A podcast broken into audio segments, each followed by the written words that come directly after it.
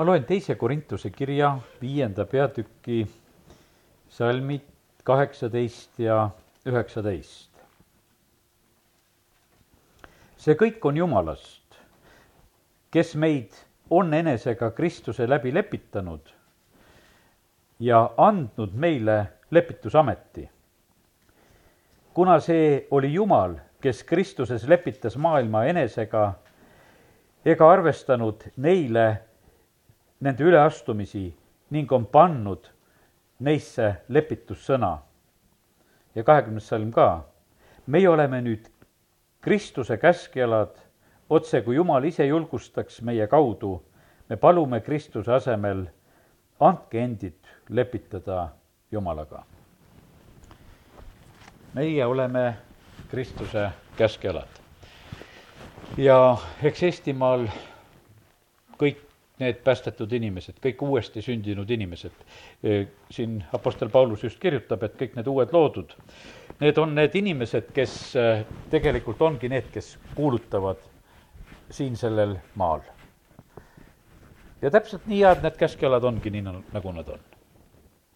ja tänu jumalale, et ikkagi väikest viisi on evangeeliumi kuulutamine edenenud ja aga täna nagu tahaksin just julgustada, enne kui siin on jäänud meil sellised noh, ütleme pisut aega, nädal võiks ütelda ja natukene mõni päev peale, kui jälle on meil evangeelsed koosolekud, et, et me oleksime julgustatud kutsuma. vanasti oli nii, ma mäletan, et minu lapsepõlves olid niisugused evangeeliumi nädalaid, neid peeti kogudustes niimoodi, et eh, just ütleme, sellisel varakevadel kui juba natuke see päevad läksid pikemaks, aga noh, ütleme veel põllutöödeni asi ei läinud, siis ikka peeti evangeelseid koosolekuid ja need käisid niimoodi, et noh, nädal otsa eh, vähemalt ja võib-olla isegi mõnes paigas vahest isegi pikemalt, aga noh, nädal oli üsna tavaline tava. ja, ja kuidas siis asi oli? siis oli niimoodi, et nädala esimeses otsas see jumala rahvas, kes seal koguduses oli, no need said kuidagi nagu üles soojendatud, vaatasid, et keegi vend tuli, tuli kuulutama, päris hästi räägib jumal rahvas sai juba rõõmsamaks ja, ja siis oli nii, et nädala lõpupoole oli siis juba neid väljaspoolt kutsutud inimesi ka rohkem, sellepärast et rahvas oli juba ise üles soojendatud ja ja uskusid, et kuule, et see, kes kuulutama on tulnud, et see räägib head sõnad, tasub teisi ka kutsuda. ja, ja nii olid need nii kevadeti kui sügiseti, kui sügisesed tööd olid ära ja, ja olid sellised ajad, kus siis eriliselt evangeeliumi kuulutati meil nagu sellel korral seda aega ei ole niimoodi, et meil vend tuleb, tuleb meie jaoks nagu ütleme, üheks päevaks. meil ei ole sedasi, et me saame siin kõigepealt nädal otsa venda kuulata ja, ja siis hakkame uskuma, et tasub teisi ka kutsuda kuulama, me peame kohe uskuma. me peame kohe kutsuma, me peame olema juba ennem valmis, me, meie ei saa e, mitte nii, et noh, et, et siis nagu ärgata, et kui istume ise koosolekul ja, ja kuuleme, no nii hea sõna, et kuule, tema oleks võinud olla ja tema ka oleks võinud olla ja see ka veel oleks võinud olla ja, ja siis me võime neid inimesi hakata kokku lugema. ja sellepärast eh, täna mõtlesin nii, et tahan jagada eh, sellist sõnumit, et, et nagu äratada seda üles meis, et, et me oleksime need käskjalad Kristuse asemel, kes me kutsume inimesi ja teeme seda õigel ajal. ja, ja selleks on vaja eh, tegelikult sellist jumala tarkust. et, et meil oleks niisugust noh, innukust seda teha ja siin Apostlite tegude raamatust me võime leida näiteks viiendast peatükist, ma siin ülistuse ajal veel sain nagu selle kirja koha, mõtlesin, et loen ka selle täna siin. Apostlite teod viis kaksteist on räägitud, apostlite käte läbi sündis palju tunnustähti ja imetegusid rahva seas. ja nad olid koos kõik ühel meelel Salomoni sammaskäigus. Ehkki muudest inimestest ei söandanud keegi nendega lähedalt suhelda, pidas rahvas neist suurt lugu. seda enam aga lisandus neid, kes uskusid issandasse suurel hulgal nii mehi kui naisi. nii et nad kandsid ka haigeid tänavatele ning panid need kanderaamidele ja vooditele, et Peetrus möödudes eh, kas või tema varigi, et Peetruse möödudes kas või tema varigi langeks mõne peale neist. Ka Jeruusalemma ümbruse linnade rahvas tuli kokku, tuues haigeid ja rüvedatest vaimudest vaevatuid, kes kõik said terveks. ja tahan nagu näidata nagu seda, et pange tähele, milline see asi oli. inimesi toodi, inimesi kanti, ei, neid ei sõidutatud autodega, neid lausa sõna otseses mõttes lihtsalt kanti ja toodi. ja, ja see ei olnud mitte mingisugune naljategevus. no võime uskuda seda, et kui kellelgi oli kodus haige ja, ja, ja siis oli nagu lootust, et võib terveks saada ja, ja see võimalus on nagu olemas, no siis läheme, et eh, sellest osa saada. aga tegelikult selles, selles oli paras pingutus. ja, ja sellepärast meie ei saa ka loota seda, et, et inimeste jumala riiki toomine, et, et see kuidagi väga kergelt läheb, see ei lähe väga kergelt, selleks on vaja meil eh, teatud sellist pingutust, et inimesi Jeesuse juurde tuua, nii nagu seal Markuse evangeeliumis on see lugu, kus need neli, kes kannavad kanderaamiga, maja on nii rahvast täis, võtavad katuse lahti, noh, olid sellist tüüpi katused, et neid sai lahti arutada ja, ja lasevad siis selle haige seal kanderaamiga alla. aga tegelikult kõiges selles oli pingutus ülistuse ajal tuli meelde veel siin üks äh, Lõuna-Eesti mees, kes on ka juba ammu igavikus, et kuidas tema inimesi kutsus koosolekule, kui ta oma külas seal ka oma kodus äh, pidas vahest neid palvetunde ja, ja noh, kutsub külarahvast, noh, inimeste niisugune tavaline ütlemine, et no ei ole aega, ei ole aega aga see oli Toode Arno, see mees, keda ma praegusel hetkel meelde tuletan, ta on lihtsalt mu la-, lapsepõlvemälestustes. ja ta ütleb siis sellele inimesele, kes talle ütleb, et ei ole aega, et no mis sul siis on? et ma tulen ja teen sul päevatööd. aga et kui ma kutsun ja ütlen, et mul on see palvetund, et siis tule. et sellise hinnaga, et seda inimest saada selleks paariks tunniks eh, sinna koosolekule, sinna palvetundi, ja siis selleks ta tegelikult läks ja töötas ette, ütles, et kuule, et ma olen nüüd sul selle, selle aja täis töötanud juba, et nüüd sa võid jätta küll siis vahepeal oma asjad ja tulla. ja, ja sellepärast, ja noh, ütleme, et no see on, ütleme, et haruldane ega selliseid näiteid me palju ei tea, kes, kes sellisel moel saavad inimesi kutsuda ja võib-olla ei olegi nagu võimalik.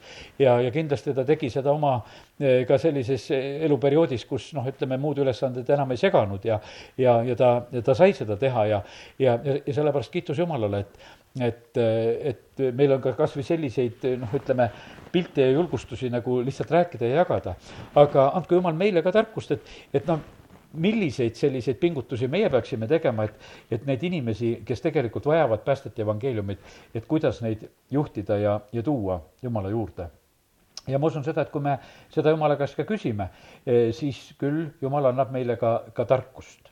evangeeliumi kuulutajad, eh, nii nagu ütleme, vend Dmitrigi on, keda me siin praegu oleme ootamas, eks, need on sellised mehed, et, eh, et need ei peatu.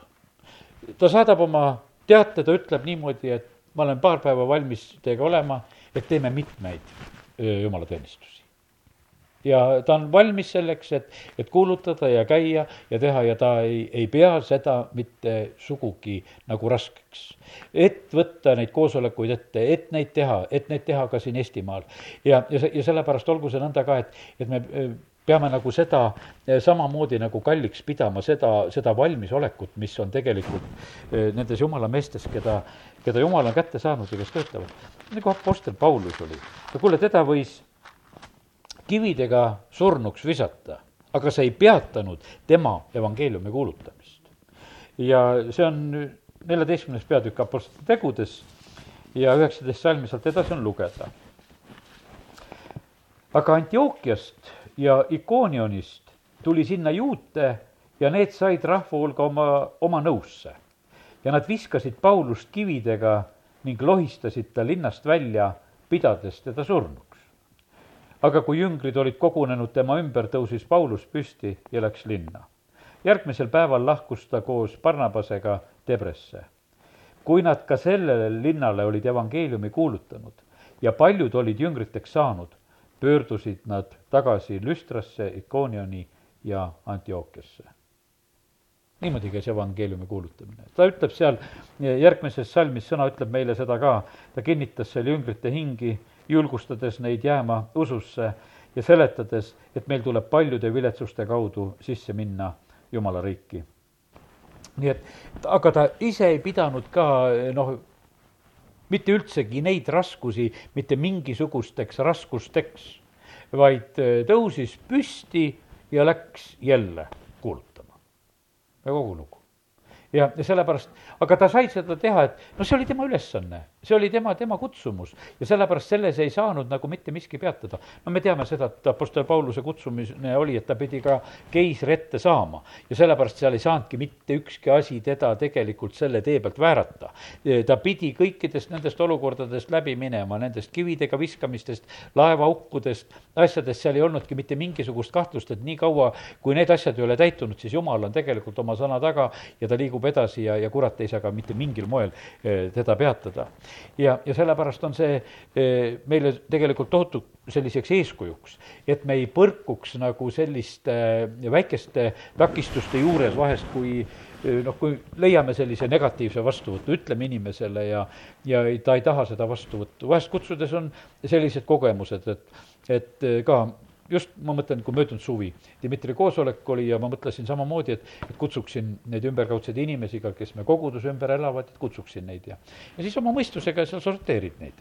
no seda kutsun ja noh, seda ei kutsu enam, et ta pole kunagi tulnud, et kaua ma teda kutsun, ta ei tule. no sain selle kogemuse, et tegelikult tuli see, keda ma arvasin, et, et, et ta ei tule. ja need, keda ma siis väga kutsusin, need ei tulnud ja, ja, ja sellepärast on see nii, et, et me, me ei saa siin ka nagu mingisuguse oma mõistusega ära otsustada teiste eest, et millal ta tule, tuleb. pastor Anton Tissenko rääkis eile Riias eh, väga just, ta on ka selline hästi evangeelne mees, käib ju Dmitriga koos ja oli ka nüüd viimane kord Pakistanis ja, ja tema rääkis nagu oma sellest töömeetodist. Eh, ta on kolme aastaga kuskil eh, saavutanud nii suure töö juba, et, et hakkas nagu nullist pihta oma kogudusega ja, ja tal on kuskil, ma võin eksida nüüd, oli see kolmsada või nelisada või noh, umbes selline hulk rahvast on, kes tal on juba olemas sel, selle ajaga, mida ta on saavutanud. ja, aga kuidas see käib? See käib valdavalt inimeste kodukülastuste kaudu. see on nagu tema selline eriline võti, kuidas tema töötab, on see ja ta, ta koguduse rahvas ja, ja, ja nad külastavad inimesi kodudes. ta ütles, ma algasin sellises, et, et noh, et olid võib-olla niisugused joodikute kodud ütles, et noh, need ei karda sisse lasta ka, et nendest pole enam midagi, midagi ära ka võtta ei ole, tead, et. et noh, et tühi on ja, ja, ja, ja kui keegi koputab, ikka sisse lastakse. ja ütles, et ja, ja me käisime, me käisime ja, ja ütles, et ja siis oli, ütles, et koguduse lähedal, kus tal see kogudus oli, et oli üks haige naine. et ma käisin e, mingi pikema perioodi vältel, et e, noh, iga kord, e, kas igal pühapäeval, et ta muudkui käis, ta naist külastamas, ega ma ei saanud ka midagi muud teha, et käisin ja palvetasin ta juures ja, ja aga ütles, et aga nüüd on ta tütar meie koguduses juba täiesti korralikult tööd tegemas, ütles, ma ei tegelenudki tegelikult absoluutselt selle tütrega sellel perioodil vaid ma käisin seda ema vaatamas ja käisin teda külastamas ja palvetamas, aga, aga tegelikult selle kaudu sündis see, et, et, et tuli sealt perest, tuldi ka Jumala juurde. ja, ja sellepärast, kuidas need asjad lähevad, seda teab ise Jumal. ma ise mõtlesin samamoodi, et kuidas on nagu vahest läinud, ma mäletan, et, et et külastasin noh, aastaid tagasi niimoodi meie koguduse vanu, võib-olla seal niisugustel jõuluperioodidel ja ja, ja ikka külastasin ka, sest et isegi sellel perioodil oli neid eh, koguduses neid eh, selliseid kodus olevaid eh, ja, ja, ja kogudusse mitte saavaid inimesi nagu rohkemgi. Ja, ja siis ma külastasin neid ja, ja mäletan ühes kodus just, kus mees esimesel korral oli väga kategooriline, ütles, et mina seda usujuttu ei taha. noh, üsna kõrges eas mees oli ja, ja siis pani mulle sellise klausli maha ja ega mina sellest üle ka ei astunud ja, ja ma mäletan, et ikka me aeg-ajalt külastasime eh, siis seda kodu ja et abikaasaga seal rääkida ja, ja, ja noh, ja absoluutselt mitte tege-, tegeldes selle mehega. ja ühel korral siis, kui me jälle läksime ja ei olnud isegi seekord üksinda, ei olnud mina seal, ma mäletan, et oli mul abikaasa kaasas ja oli veel eh, ka selles, see peretütar, kes oli ka juba päästetud saanud ja, ja ka tema oli kodus sellel hetkel seal oma vanemate juures ja ja, ja siis ühtäkki tuleb see isa, ütleb, et ma tahan ka kuulata, mis te räägite. no meil oli üllatus, et no sa pole aastaid tahtnud ja nüüd tahad. et noh, et kas ta teeb nalja või on see päris asi? ja tahtis päriselt. ja lühidalt saime evangeeliumi kuulutada, kuulmine oli ka kehva. E, väga kõva häälega pidin seal midagi lihtsalt rääkima. E, palvetasime koos, ütleb palve järgi. me olime üllatunud, et ta palvetab, sest et terve elu vastu pannud. ja, ja, ja ta palvetab. siis on niisugune tunne, et kuule, no et kas see oli päris, sai ta siis päästetud või ei saanud, mis see siis oli? ja no tänu jumalale sai päästetud naine ütles hiljem, et, et siis ütles, et lisaks raadiouudistele, et mida ta ikka kõrv vastu raadiot kuulas, ütles, et kuule, et loe piiblit ka mulle ja et huvid juba muutusid, ma tahan jumala sõna ka kuulda. ja, ja, ja sellepärast need asjad võivad sündida niimoodi, et meie võime olla nagu noh, ütleme oma lootus juba kõrvale pannud, et no sealt ei tule. ja, ja tõsi see on, et ega me ei saa mitte kellegi inimese vabast tahtest ei saa üle. ja ta, me ei saa ket, mitte kedagi sundida, et ta peab päästetud saama ja et ta peab taevariiki minema, et ta peab pimedusest välja tulema, ei, ta võib jääda pimedusse. ta võib teha oma valiku ja, ja mitte midagi teha ei saa. ei saanud Jeesus ka mitte kedagi sundida. kui ta ütleb rikkale noorele mehele, mida ta tegema peaks, et müü oma vara ja, ja järgi mulle, ta läheb kurvalt ära sellepärast ta ei saanud seda meest panna seda vara müüma. ja aga ometigi ta pani, pidi selle asja välja ütlema, et, et mis oli ta jumalaks, selle ta pidi kõrvaldama ja et ta võiks Jeesust järgida ja, ja, ja sellepärast nii see on, et, et selles töös me võime kogeda samamoodi ka, kus kus naertakse ja pilgatakse. kuningas Iskja lugudest täna ka nagu korraks lugesin ja vaatasin üle, et kuningas Iskja seal hakkab Paasa püha pidama ja ja siis ta hakkab inimesi kokku kutsuma, et, et tulge paasapüha pidama. no kuningana tegelikult teeb sellise ettepaneku.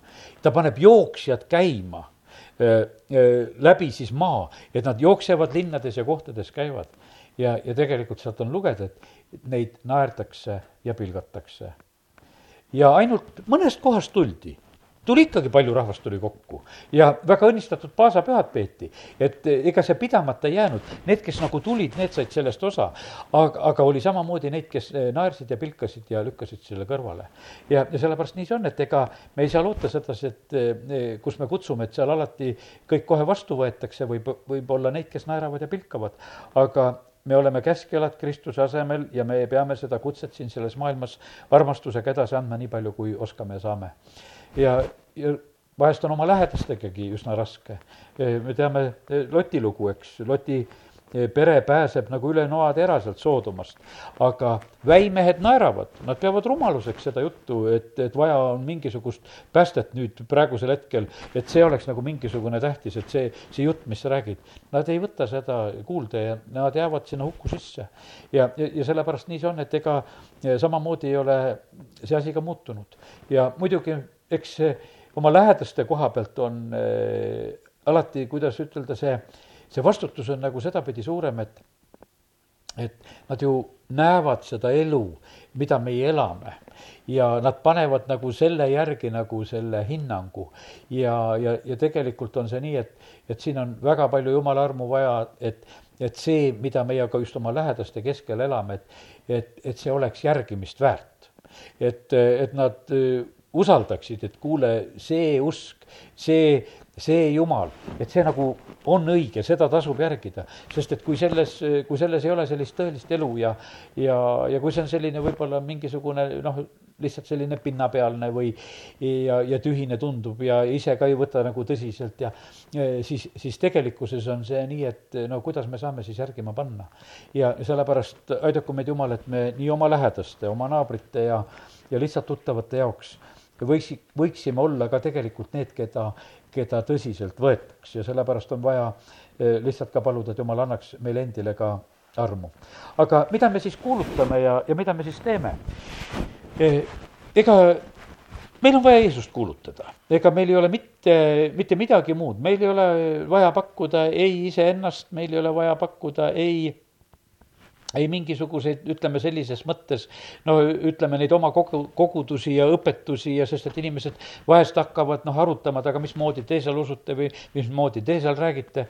Eh, siis võib armastuses juhtida selle juurde, et noh, et jah, räägitakse, et ühes kohas räägitakse ühtemoodi natukene, teises kohas räägitakse ka teistmoodi. aga tegelikult on sinul vaja Jeesust, kes päästab. sellepärast, et ei päästa mitte ühegi koguduse õpetusega, meetodiga asi, vaid, vaid tegelikkuses päästab Jeesus. sest et kõik kes saavad Jeesusega kokku, kes võtavad Jeesuse päästjaks vastu, ainult need saavad päästetud. ja, ja, ja sellepärast on see nii, et ega e, põhimõtteliselt me ei kutsu ju inimesi e, niivõrd koguduse juurde kui issanda juurde, kui me neid ristime, me ütleme, et, et tahad sa issandale ustavaks jääda, et me, me kutsume inimesi issanda juurde, sellepärast et meil ei ole kuskile mujale kutsuda. ja, aga ütleme, et noh, et perekonnad ja kogudused, need on samamoodi küll omal kohal, sellepärast et kui laps sünnib siia sellesse maailma, siis no lapsel on perekonda vaja. ei ole pääsu. see pisikene, kui ta sünnib siia ilma, no tal on vaja, et, et tal oleks esimestest tundidest ja hetkedest oleksid need, kes oleksid ta ümber, kes teda aitaksid.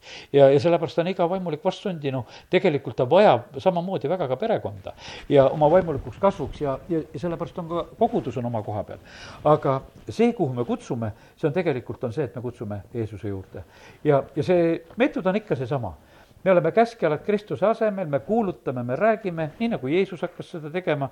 Jeesus õpetab oma jüngreid, kui ta oma kahteteist jüngrit läkitab, siis Mattiuse kümme on öeldud seal, kümnes peatükk, seitse ja kaheksa salm ja minnes kuulutage, taevariik on lähedal, tehke terveks haigeid, äratage üles surnuid, tehke puhtaks pidaleid hõbiseid, ajage välja kurja vaime, muidu olete saanud, muidu andke. ja ja lihtsalt, meil on lihtsalt see läkitus kaasas, et mida meie ütleme, et me kuulutame Jumala riiki ja Jumala riigis on need asjad, millest võib osa saada ja kiitus Jumalale, et Jumal kinnitab sõnakuulutust imede ja tunnustähtedega. ja need asjad ei ole samamoodi ka meie käes, aga me oleme saanud seda kogeda, et see toimib, see on ja sellepärast on samamoodi ka, et et ka need eelolevad koosolekud, mis siin on nüüd tulemas, eks, me võime julgelt uskuda sedasi, et, et jumal kinnitab sõnakuulutust imed ja tunnustähtedega, inimesed saavad terveks, saavad abi, sellepärast et kui tullakse äh, usus, siis tegelikult Jumal on see, kes äh, kes seda teeb. ja, ja sellepärast meie asi on lihtsalt seda välja rääkida ja, ja julgustada ja, ja küll Jumal seda teeb. Äh, Jeesus kuulutab ja liigub samuti paigast paika ja, ja tal ei lähe ka alati igas paigas hästi, kui ühes külas hästi ei lähe, ta ütleb, et kuule, lähme edasi, lähme teistesse paikadesse ja kohtadesse. ja, ja kiitus Jumalale, et, et ta ikka leidis neid inimesi, kus teda vastu võeti ja, ja nendesse paikadesse ta läks. see Luka kümme, ma teen selle ka lahti, kus ka Jeesus läkitab välja neid seitset kümmet, siis selles ei ole mitte midagi sellist, ütleme, keerulist ega rasket millise sõnumiga ta need jüngrid välja läkitab. aga pärast seda ta määras siis veel seitsekümmend ja, või ka kaks, nagu siin on öeldud, ja ta läkitas need kahekaupa enese eele igasse linna ja paika, kuhu ta ise tahtis minna. jumalal on omad plaanid.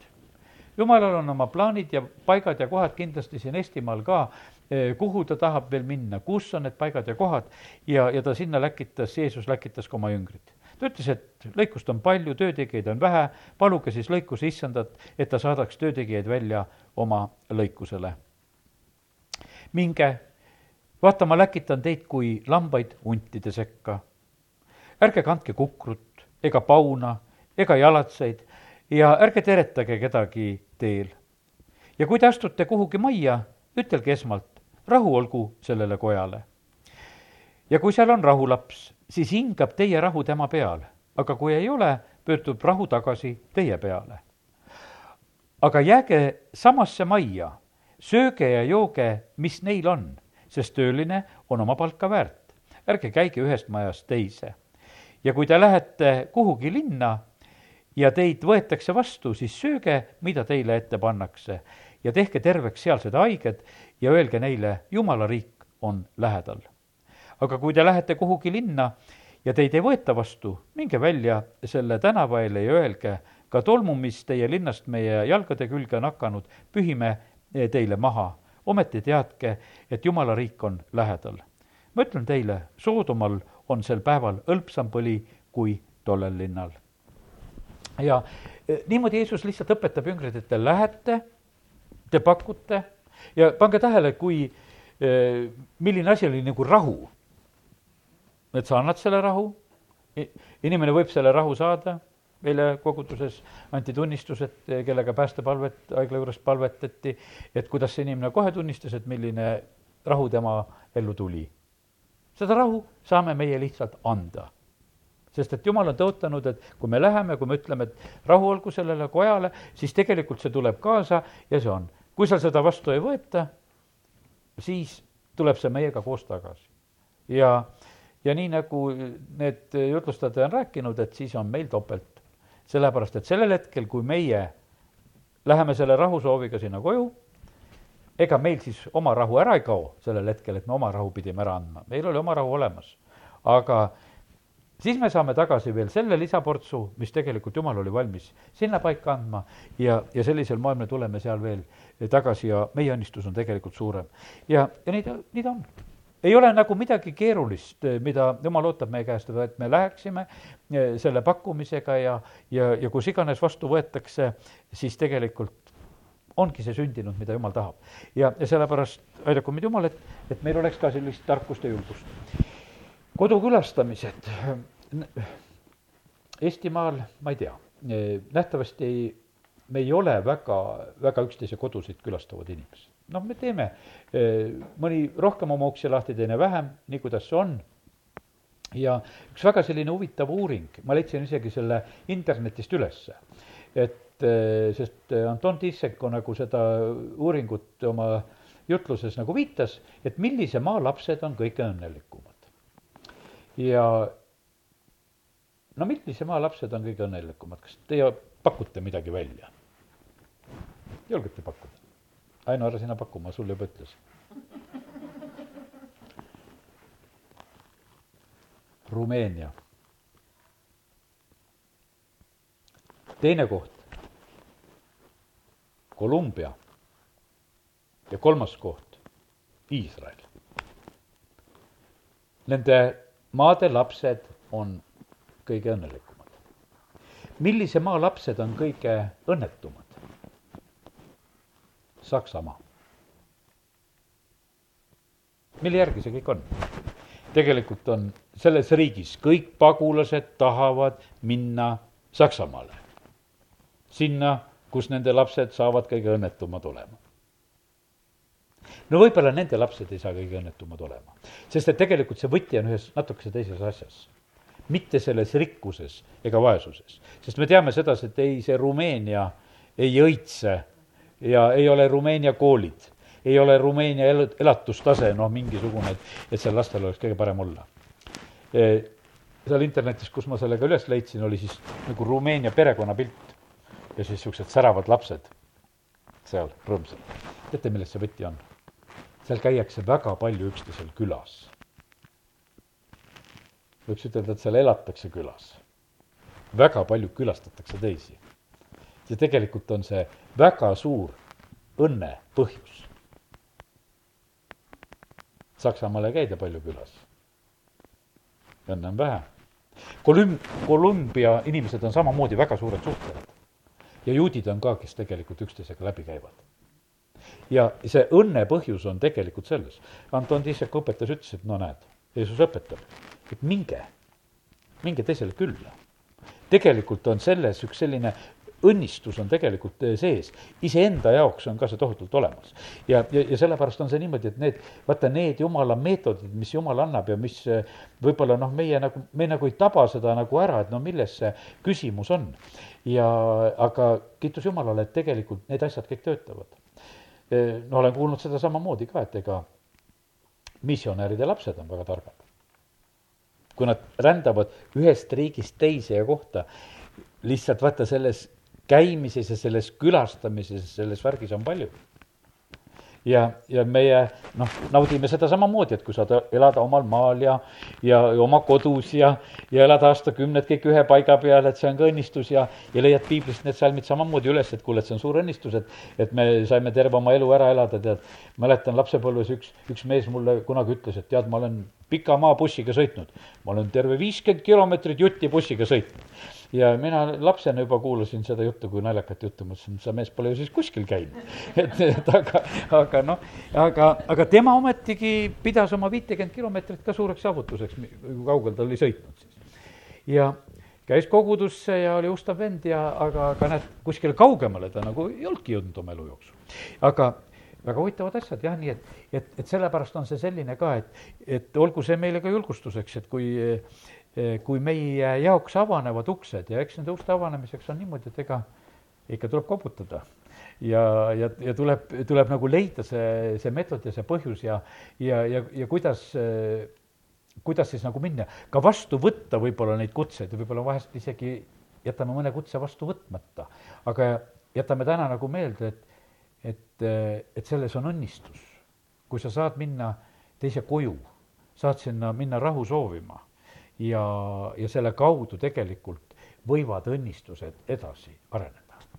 ja, ja seda vaata korraldab juba Jumal see ei ole enam meie probleem, et, et me peame nüüd siis selle asja ära lahendama, ei, seda me ei lahenda. Need on jumala meetodid, mis tegelikult töötavad ja, ja, ja sellepärast eh, jäta see ka täna meelde, kui eh, sinu jaoks mingisugune võimalus on nagu avanemas, siis kasuta seda ja, ja, ja kindlasti see tuleb õnnistuseks. ja jumal oma sõnas väga selgelt, nii täna oleme seda juba mitu korda ütelnud, et me oleme käskelad Kristuse asemel, alati me nagu ei saa aru, vahest Jeesus ütles mõnele, et kuule, umbes, et ole nagu vait, ära sellest räägi. no need kohad, kus me sõnast võime leida seal, kus Jeesus paneb nagu sellise teatud saladuse katteasja üle, et ära, ära mine rääkima, kõik ei pidanud sellest küll kinni. Nad läksid ikka, kui Jeesus ka eh, keelas. aga eh, see oli nagu ka sellisel noh, ütleme, julgeolekukaalutlusel, nii nagu Jeesus oma viimast paasa söömaaega korraldab, ta on ju tegelikult tagaotsitav, ta on kinnivõtmisele määratud, aga ta peab oma jüngritega olema koos. ta peab seadma meile selle issanda surmamälestuse laua, ta peab selle paasa söömaaja muutma, selle leiva ja karika tema enda surmamälestuseks no selleks pidi ta ülemises toas olema oma jüngritega koos. ta pidi selle karika võtma ja selle leiva murdma ja ütlema, et võtke, sööge, tehke seda minu mälestuseks. seal ei saanud olla niimoodi, et mingisugune olukord tuleb ja, ja ajab selle paasasöömaja sassi. E, see oli selles mõttes nagu salajane paik, kus ta oli. ja, ja sellepärast, ja pärast seda, kui nad lähevad siis sinna harjunud paika, Ketsemani, siis seal aias võetakse kinni sest seal teati, et sinna ta läheb, juudas eh, veab sinna, et noh, sinna lähevad, aga, aga esimesel hetkel oli see niimoodi, et selle toimingut nad said teha. eks jumal kindlasti kaitses ja hoidis ka seda. ja aga kui Jeesus eh, vabastab selle inimese, kelles oli leegion kurjasid vaimusid, siis sellele inimesele, see on eh, Markuse evangeeliumi viienda peatüki lugu ka ja kaheksateist kuni kakskümmend salmides ja kui, kui Jeesus oli paati astumas, siis mees kes oli olnud kurjast vaimust vaevatud, palus, et ta võiks jääda temaga.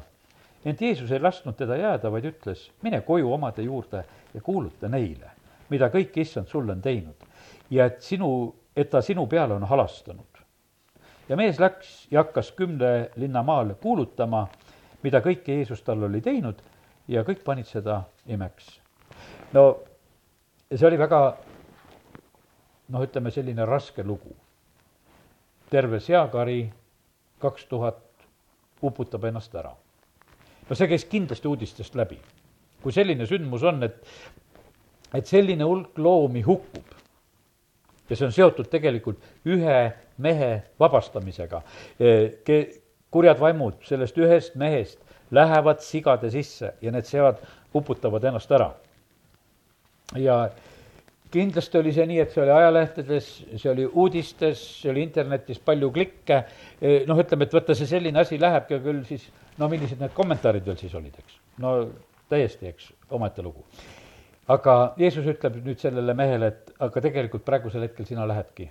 sa oled saanud nagu selle loo kaudu tähelepanu keskmesse ja nüüd sa lähed koju, sa hakkad rääkima, eh, mida jumal on mulle teinud, kuidas ma olen vabaks saanud ja see mees hakkas käima ja liikuma ja kuulutama. ja ta valmistas tegelikult teed issandale ette. ja, ja sellepärast on see nii ka samamoodi, et et kuidas meie saame teed issandale ette valmistada, et, et järgmised inimesed, kes siin Eestimaal ka päästetud peavad saama, me räägime neid lugusid, mida jumal on meile teinud, kuidas meid tervendas, millised haigused on meil läinud, e, mis muutused on tulnud meile sellega, kui me oleme päästetud saanud, e, mis muutused on peredes, mis muutused on elus, mis muutused on töökohtades. E, need, need ongi tegelikult need meie tunnistused, millest me räägime. ja, ja nende tunnistuste peale tegelikult põhimõtteliselt on lihtsam neid järgmisi inimesi kutsuda, kes siis tahaksid ka sellest jumala abist ja õnnistusest osa saada. nii et nii nii need asjad sünnivad ikka ja selles ei ole nagu ju midagi erilist uut. ja nüüd, äh, millised meie sõnumid on, kui nüüd ma tuleksin korraks nagu selle praeguse aja juurde. Äh, on meil olnud neid sellel aastal samamoodi ka, et oleme kuulnud neid ähvardavaid sõnumeid, mis on räägitud praeguse aasta kohta ja meile on räägitud ka häid sõnumeid. eelkõige on kutsutud meid kuulutama evangeeliumi, kuulutama rõõmusõnumit. meid on kutsutud, et me kuulutaksime issandale meelepärast aastat issanda meelepärast aastat, et me kuulutaksime seda eh, juubeliaastat. Jeesus, kui ta on seal Natsareti sünagoogis, siis ta samamoodi eh, just eh, kuulutab ja räägib sellest ja sellepärast ma täna tahaks ütelda samamoodi ka, et see tegelikult on meie võimalus. Mida meie välja räägime, ma näen sedasi, et jumal juba hoolitseb meie eest, sellel aastal näete. vend Dmitri on tulemas, tuleb meile siin juba märtsikuus, tuleb nüüd kolmeteistkümnendal, ütleme siis Võrus ja, ja Tsoorus. ja üheksateistkümnendal on piiblikoolis meil juba külalised Riiast ja nad on veel siis ju tegelikult nii aprillis kui ka mais. ja, ja siis kahel korral, järgmisel korral on juba plaanitud, et nad on ka pühapäeva hommikul koguduses, nii et põhimõtteliselt me näeme sedasi, et tegelikult Jumal on väga ja, ja väga hoolitsemas. kes neid asju koordineerib, neid koordineerib Jumal. Apostel Pauluse rännakud tahab ühte kohta minna, teise kohta minna, on Korintuses, on Efesuses, otsib neid teid ja paikasid, tahaks Rooma minna. tegelikult neid aegasid ja kohtasid tegelikult korda-, koordineerib väga Jumal, millal kuskil on. ja sellepärast me näeme sedasi, me oleme rääkinud välja, et on selline juubeli õnnistuste aasta, et võtame sellest juutide juubeliaastast kinni ja, ja tegelikult siis me saame, saame õnnistusi ja siis, siis me saame neid kätte. ja me peame võtma lihtsalt selle suhtumise ja jumal on tegelikult siis sellega taga, selle taga, sellepärast et jumal reageerib usu peale. ja kui ta näeb sedasi, et kui me, meil on juubel, no miks ta siis juubelile ei tule, siis no kui, kui on juubel välja kuulutatud, siis siis on juubeliõnnistused, siis on teistsugused lilled, siis on teistsugused kaardid, sest et siis käitutakse lihtsalt teistmoodi. ja sellepärast on see täpselt seesama lugu, et, et millisel tasemel me oleme asja korraldamas ja tegemas, vastavalt sellele reageerib samamoodi Jumal meiega ja ta tuleb selle asjaga kaasa.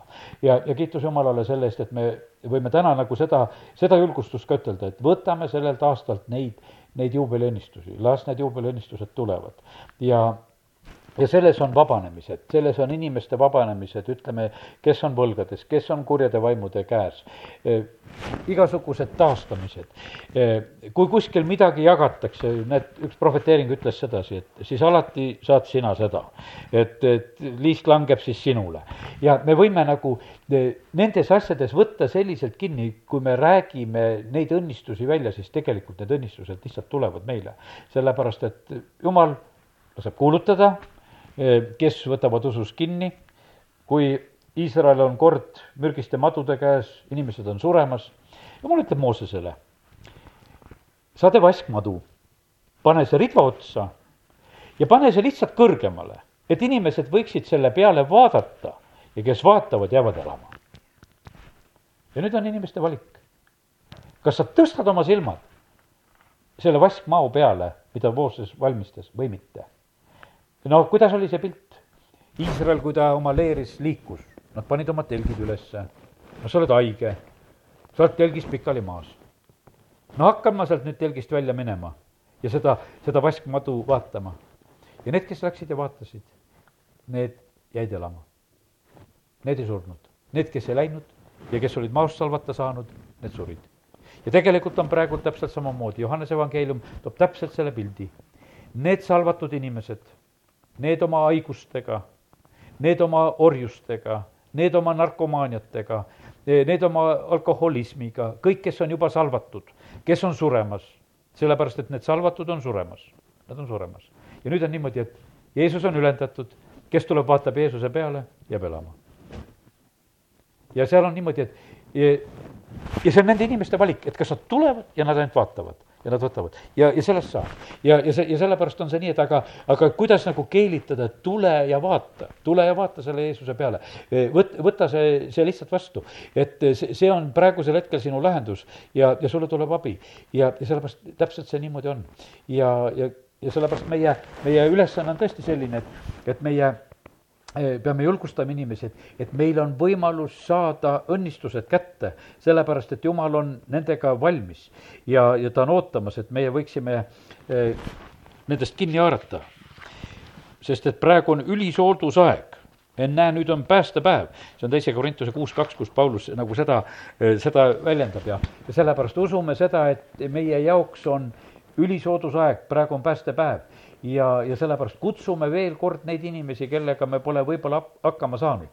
ja usume üheskoos, et me saame sellel korral kokku neid inimesi, keda me oleme väga igatsenud, kelle pärast oleme palvetanud ja, ja sellepärast meie asi on nagu sellest täiesti kinni võtta. ja, ja, ja siis on nii, et leian seda samamoodi ka, et siin ülistuse ajal sain nagu südamesse, et et nähtavasti on vaja meil võtta, et, et teeme ühe palve ja paastupäeva ka. Nähtavasti teen üleskutse seal ka Võrus just, et võtame selle kolmapäeva siin nüüd enne seda, seda pühapäeva, et teeme üleskutse veel pühapäeval, et võtame palvepastunut, kes jak-, jaksab, sellepärast et et need, need võitlused ei, ei lähe naljana. piiskop Andrei Tissenko, kes on siis Ukrainas selle Antoni isa, tema poeg eile just ütles sedasi, et ta isa seal, ma ei tea täpselt, millal ta tegi, ta ütles, tegi ühel kuul. tegi neli korda, terve kuu aega tegelikult paastu, kuue päeva kaupa, pühapäevadel ainult ei paastunud ainult pühapäevadeks tuli pastust välja. et nendel kuu otsa, aga nende tuhandete õnnistuste pärast, et need tuhanded võiksid tulla Jumala juurde, sellepärast lihtsalt oled Jumala ees. ja sellepärast, et ega millise hinnaga tegelikult eh, need kogudused sünnivad, millise eh, andumusega tegelikult need asjad sünnivad, see, see on tegelikult suur. ja sellepärast Jumal ootab samamoodi ka, et, et meil oleks sellist armastust ja otsustavust, et, et me võitleksime nende inimeste pärast, kes on ümberringi. ja meil on see lepitusamet, see on meie amet tegelikult, et, et meie seda head sõnumit le-, levitame kui oli Samaria piiramine, kui oli nälg ja, ja siis, kui need süüresõjaväed olid ära läinud ja need neli pidalitõbist Eh, kes olid avastanud, et vaenlane on põgenenud, nad on maha jätnud kõik toidu, et toitu on küll. Need hakkavad seal endale kokku seda kahmima ja matavad ja peidavad ja mõtlevad, et küll nüüd on pidu lahti, et, et kus, kus meil on süüa. Ja siis ühel hetkel nad ütlevad sedasi, see on teise kuningate seitse üheksa, aga siis nad ütlesid üksteisele, meid valite õigesti, see päev on hea sõnumi päev kui me vaikime ja ootame, kuni hommik hoidab, jääme süüdlasteks. seepärast tulge nüüd ja mingem ja kuulutagem seda kuningakojas. ja tegelikult nad pidid selle, selle hea sõnumi avalikuks tegema. ja sellepärast, ega see on tõsi niimoodi, et, et, et need inimesed, kellega me kokku puutume ja, ja kui me ei ole proovinud nendele ütelda, et kuule, et, et meil on päästetee, meil on surmast väljapääsu tee meil on põrgust pääsemise tee, meil on pimeduse võimusest pääsemise tee. kui me seda ei, ei ütle ja, ja ise oleme rõõmsad, et kiitus Jumalale, et, et, et noh, näed, saime päästetud, siis tegelikult on niimoodi, et ühel päeval nad süüdistavad, aga miks sa mulle seda päriselt ei ütelnud? et miks te mulle sellest üldse ei rääkinud? no kui me oleme rääkinud ja nad pole vastu võtnud, no mida me siis ikka seal teha saame? aga me näeme sedasi, et vaata, kui sa selle hea sõnumi kätte saad, Samaaria naine, kui ta kohtub Jeesusega. ta tuleb kaevule vett viima, jätab oma ämbri ja jookseb linna inimestele rääkima. kuule, mina olen Messiaga kokku saanud, ma olen Jumalaga kokku saanud, tulge teie kah, et ma olen Jumalaga kokku saanud ja kogu Samaaria linn tuleb ja võtavad vastu. ja, ja sellepärast see, see pidi olema noh, nagu sellise, sellise innukusega viidud sõnum, et kuule, teised uskusid ka, et kuule, no tõesti. ja eks, eks see kindlasti see oli. eile mu teema oli, ma Võrus jagasin nagu mõtteid Jumalaga kohtumisest ja, ja, ja teate, kui me oleme Jumalaga kohtunud, ega seda peita ei saa. keegi seal eile ütleb seal jumalateenistuse lõpus, et no mina küll ei ole veel Jumalaga kohtunud. Ma ütlesin talle pärast, et oled küll. Et su silmadest on seda näha, et sa oled Jumalaga kohtunud, et, et, et noh, me vahest nagu võib-olla nagu ootame nagu seda enamat, et, et noh, ei tea, mis veel peaks juhtuma ja veel peaks olema, sest et, et on veel asju, mis on lahendamata ja mis iganes, aga, aga tegelikult, kui sa oled Jumalaga kohtunud, siis seda on näha. Ja sellepärast ja kui sinus on end, endas nagu see näha, et sul on see sära siis tegelikult mine lihtsalt selle säraga teisi kutsuma ja, ja küll jumal siis aitab. nii et olgu, see oli täna selline julgustus, mida tahtsin täna siin jagada, et, et me oleksime paremad kutsujad ja eks see jutt oli mul endale ka, aamen